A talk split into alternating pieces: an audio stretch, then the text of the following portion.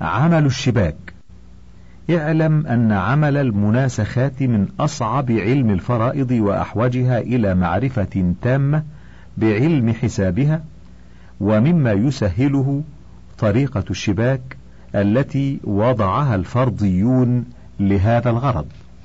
ونحن نذكر هنا ما تحصل به الفائدة إن شاء الله فنقول سبق أن للمناسخات ثلاثة أحوال إحداها أن يكون ورثة الثاني بقية ورثة الأول من غير اختلاف. فهذه الحال لا تحتاج إلى عمل شباك لأنها تقسم على من بقي. وإنما نحتاج إلى عمل الشباك في الحالين الأخريين.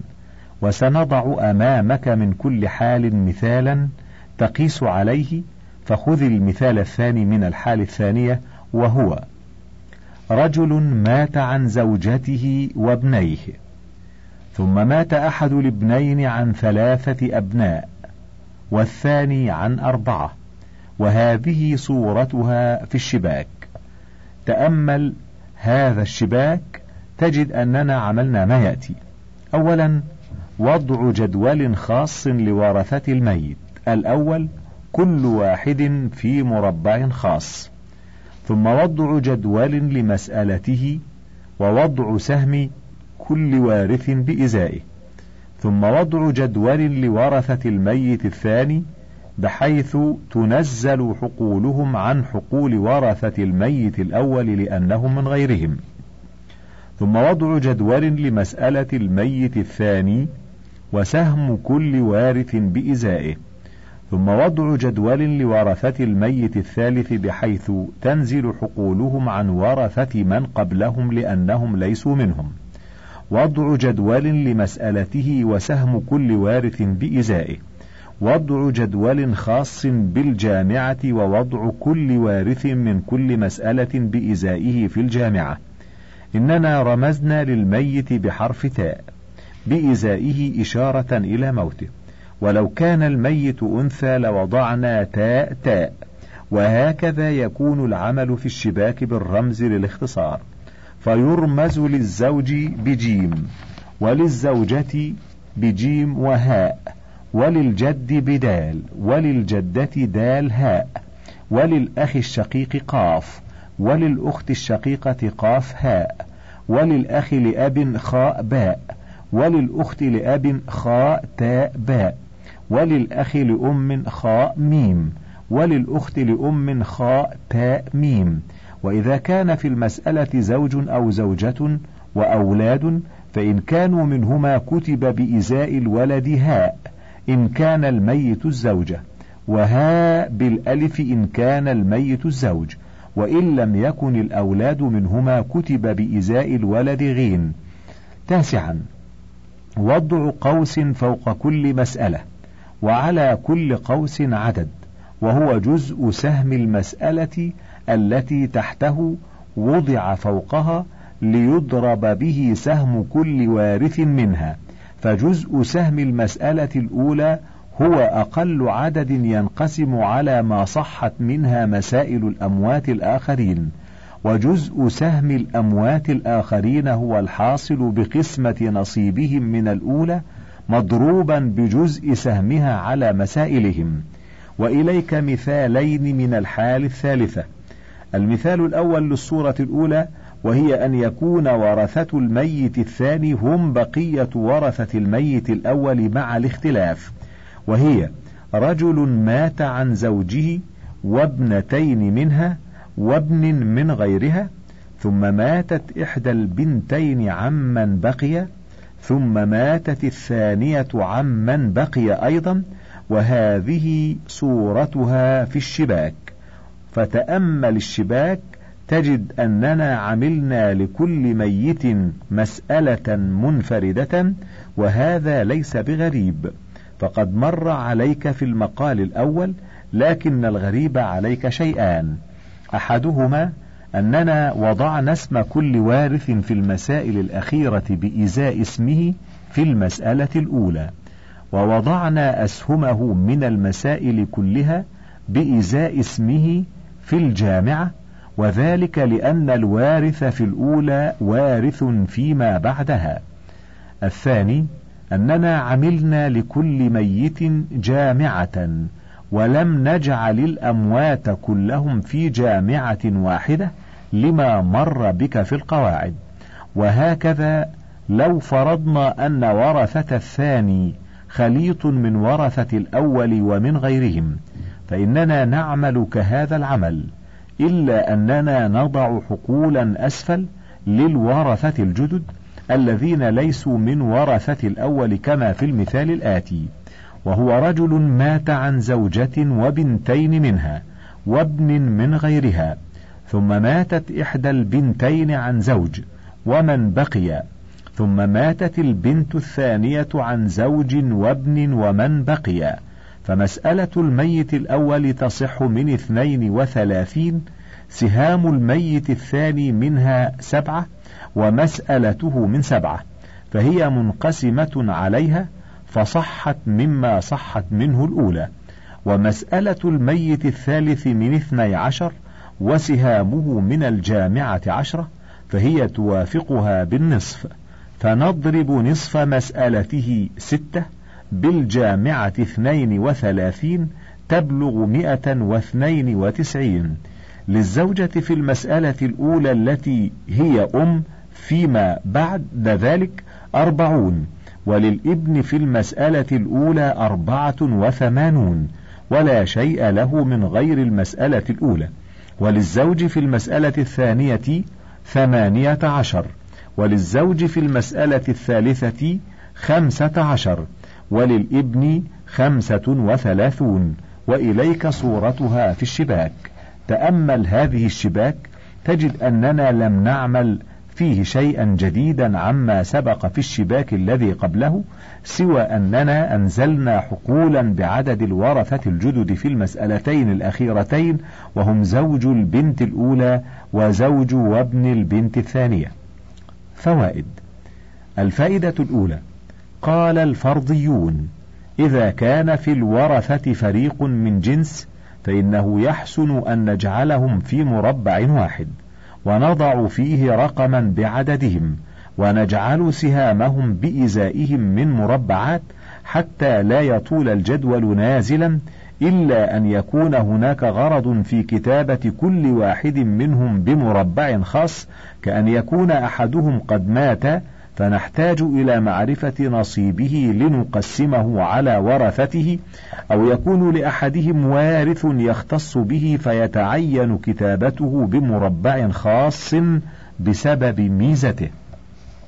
الفائدة الثانية تبين لك ما سبق أننا نضع على مسألة الميت الأول جميع مسألة الميت الثاني عند التباين ووفقها عند التوافق ونضع على مسألة الميت الثاني جميع سهامه عند التباين ووفقها عند التوافق.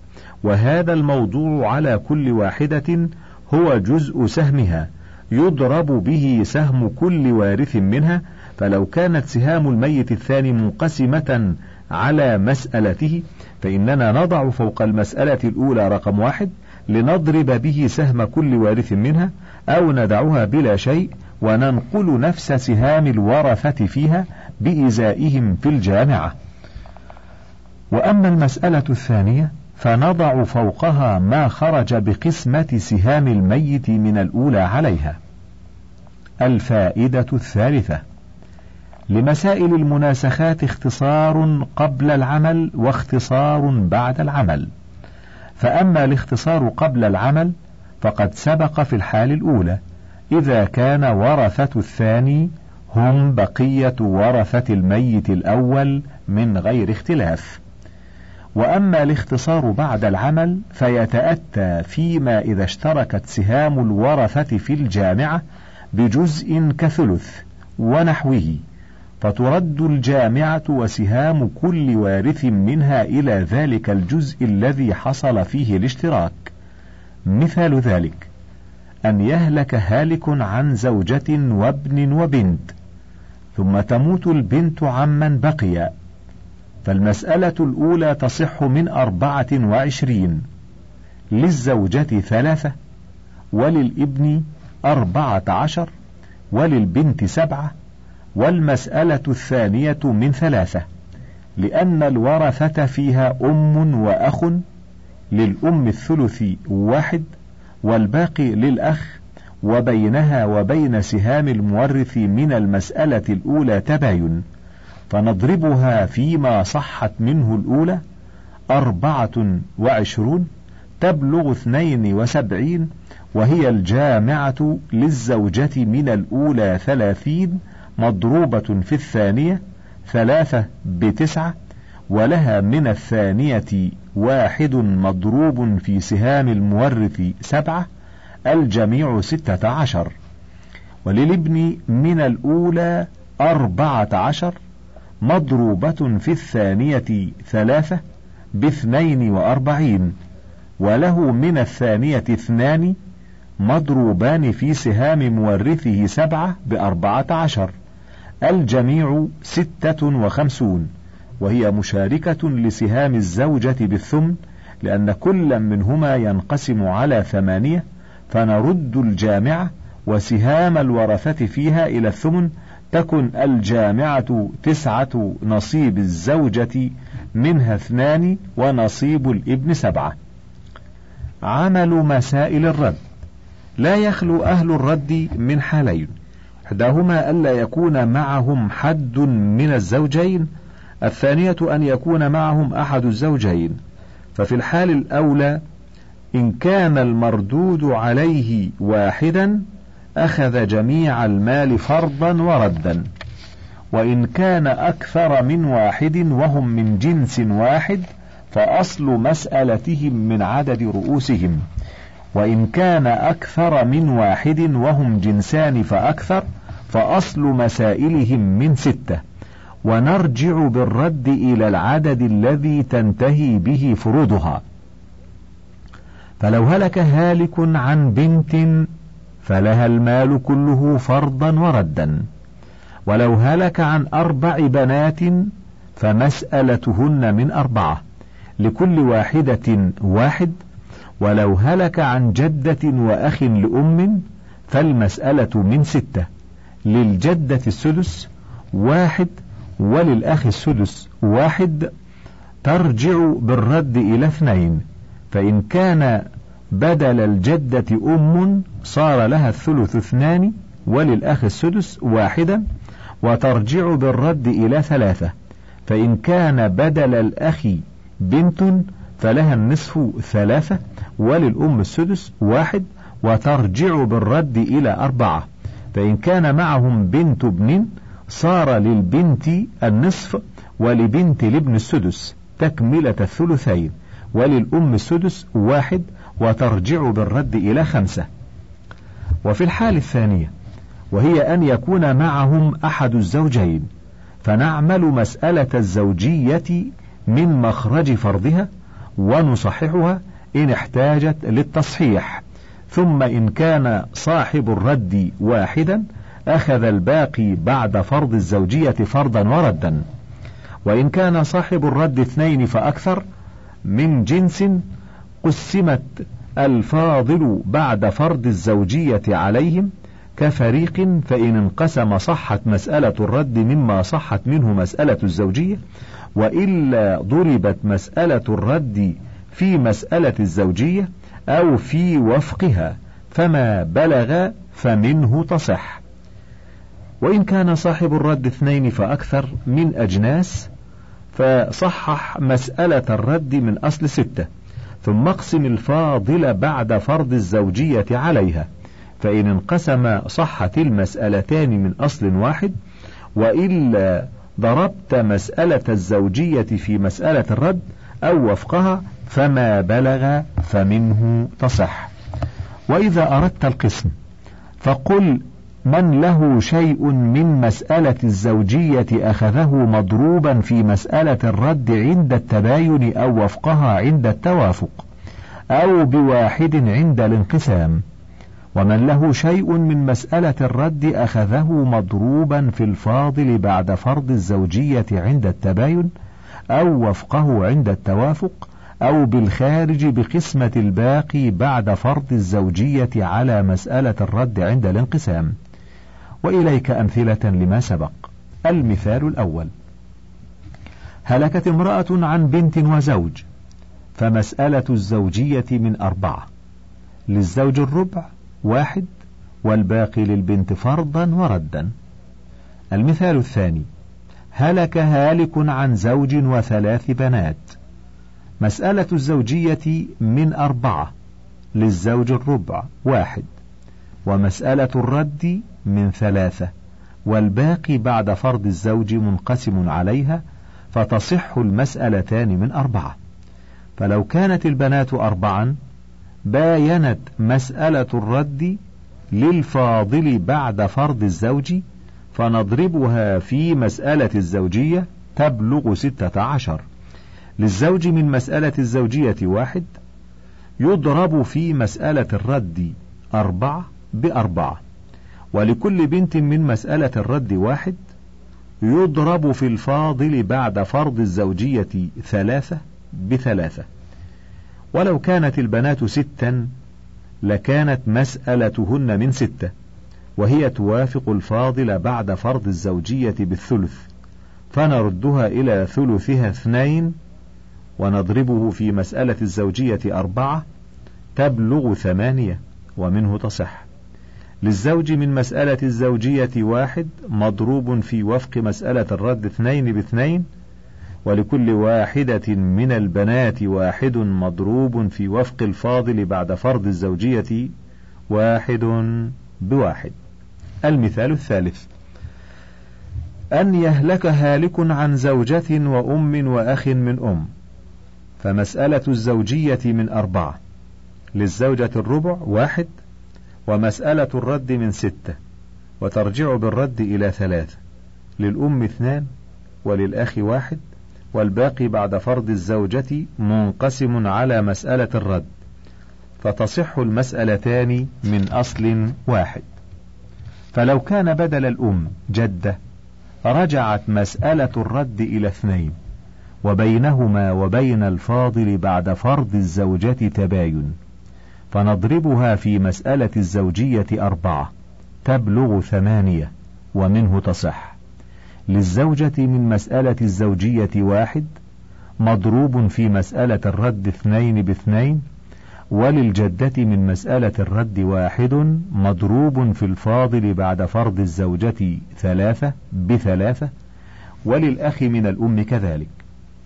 ولو كان مع الأخ لأم أخوان آخران صارت مسألة الرد من ثلاثة.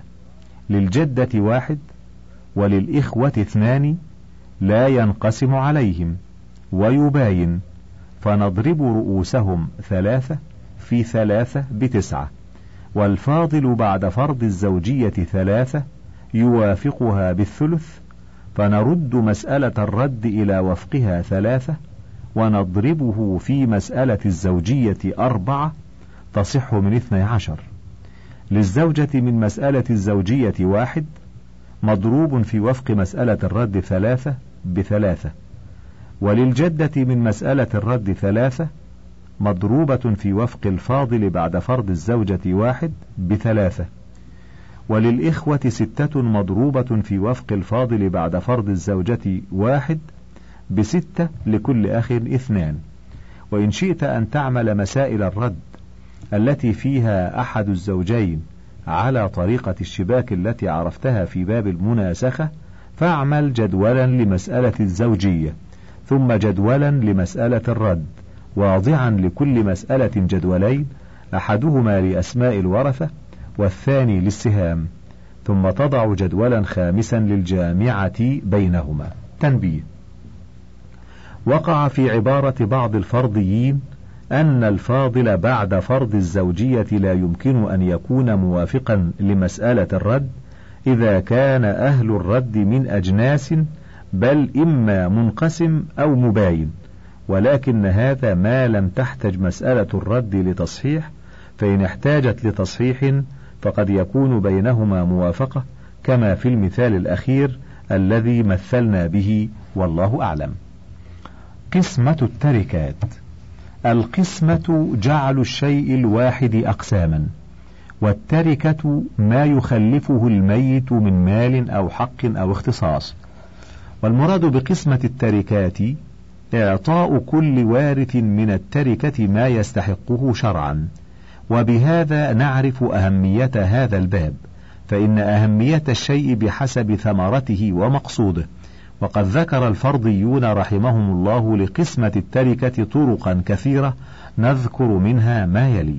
الأول طريق النسبة وهي أن تنسب سهم كل وارث من المسألة إليها وتعطيه من التركة بمثل تلك النسبة.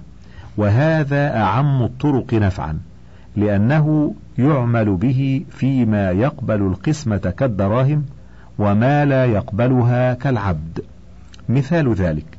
أن تهلك امرأة عن زوج وأم وأخت شقيقة والتركة ثمانون فالمسألة من ستة للزوج النصف ثلاثة وللأم الثلث اثنان وللأخت النصف ثلاثة وتعول إلى ثمانية. ونسبة سهم الزوج إلى المسألة ربع وثمن فأعطه من التركة ربعا وثمنا ثلاثين ونسبة سهم الأم إلى المسألة ربع فأعطها ربع التركة عشرين ونسبة سهم الأخت إلى المسألة ربع وثمن فأعطها ربع التركة وثمنها ثلاثين. الطريق الثاني. أن تضرب سهام كل وارث في التركة وتقسم الحاصل على ما صحت منه المسألة فما حصل فهو نصيبه. ففي المثال السابق تضرب سهم الزوج ثلاثة في التركة ثمانين تبلغ مئتين وأربعين. فاقسمها على ما صحت منه المسألة. ثمانية يحصل ثلاثون فهي نصيبه من التركة. وتفعل كذلك بسهم الأخت وتضرب سهم الأم اثنين في التركة ثمانين يبلغ مئة وستين.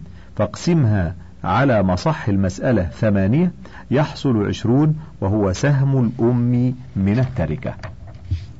فإن حصل في نصيب أحد الورثة كسر فحول المسألة إلى أضلاعها وهي الأعداد التي إذا ضرب بعضها ببعض خرجت المسألة ويحسن أن تبدأ بالأكبر فالأكبر.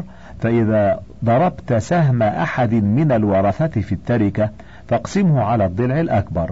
فإن بقي كسر فضعه تحته واقسم الحاصل الصحيح على الضلع الثاني وهكذا حتى تصل إلى التركة فضع ما تبقى معك تحتها وهو نصيب الوارث منها. واعلم أن كل ضلع بالنسبة لما قبله كواحد منه.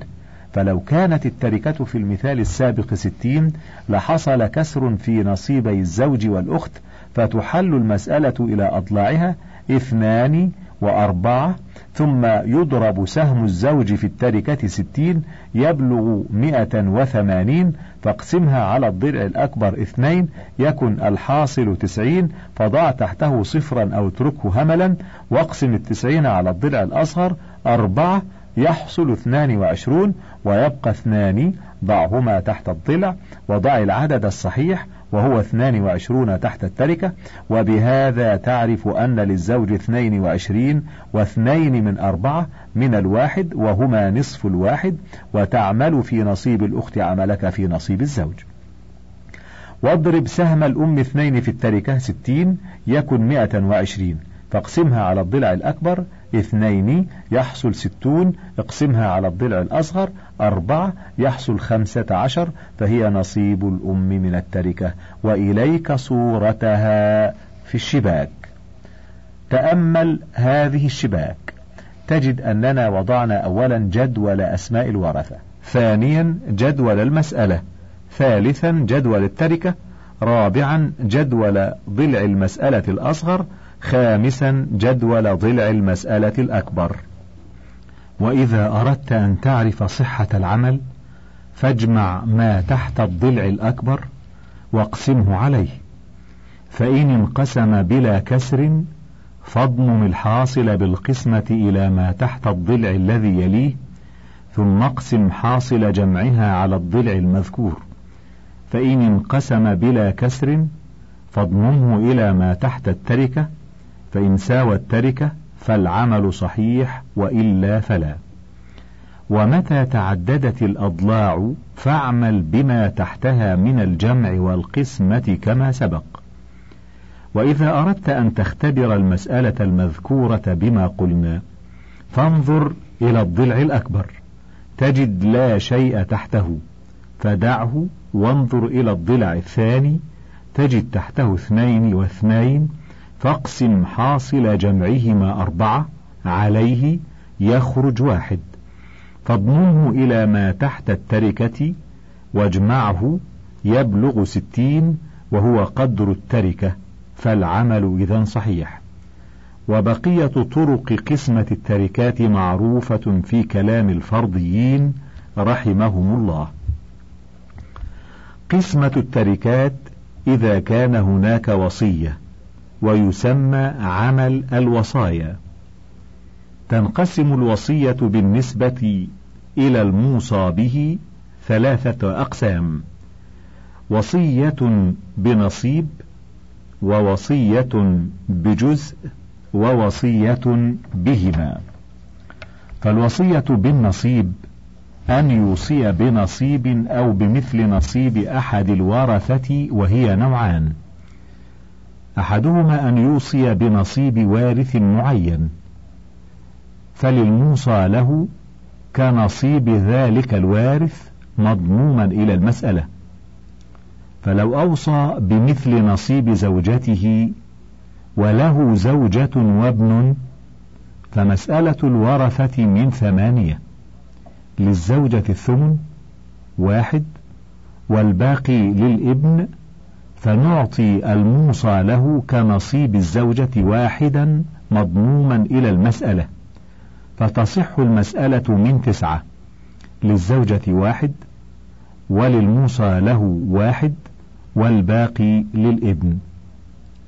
ولو أوصى بمثل نصيب ابنه وله ابنان فالموصى له الثلث ولكل ابن واحد.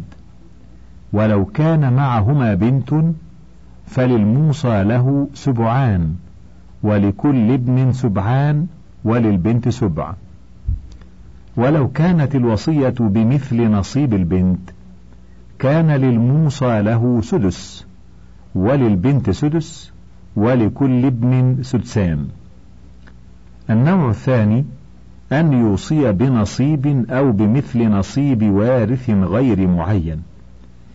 فللموصى له كما لأقلهم فلو أوصى له بمثل نصيب أحد الورثة. والورثة أم وثلاث زوجات وابن فمسألة الورثة من أربعة وعشرين. للأم السدس أربعة وللزوجات الثمن ثلاثة. لكل واحدة واحد والباقي للابن.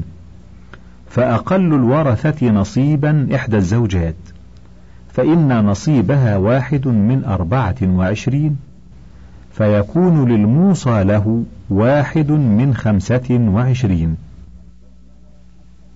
انتهى الشريط الرابع وللكتاب بقية على الشريط التالي.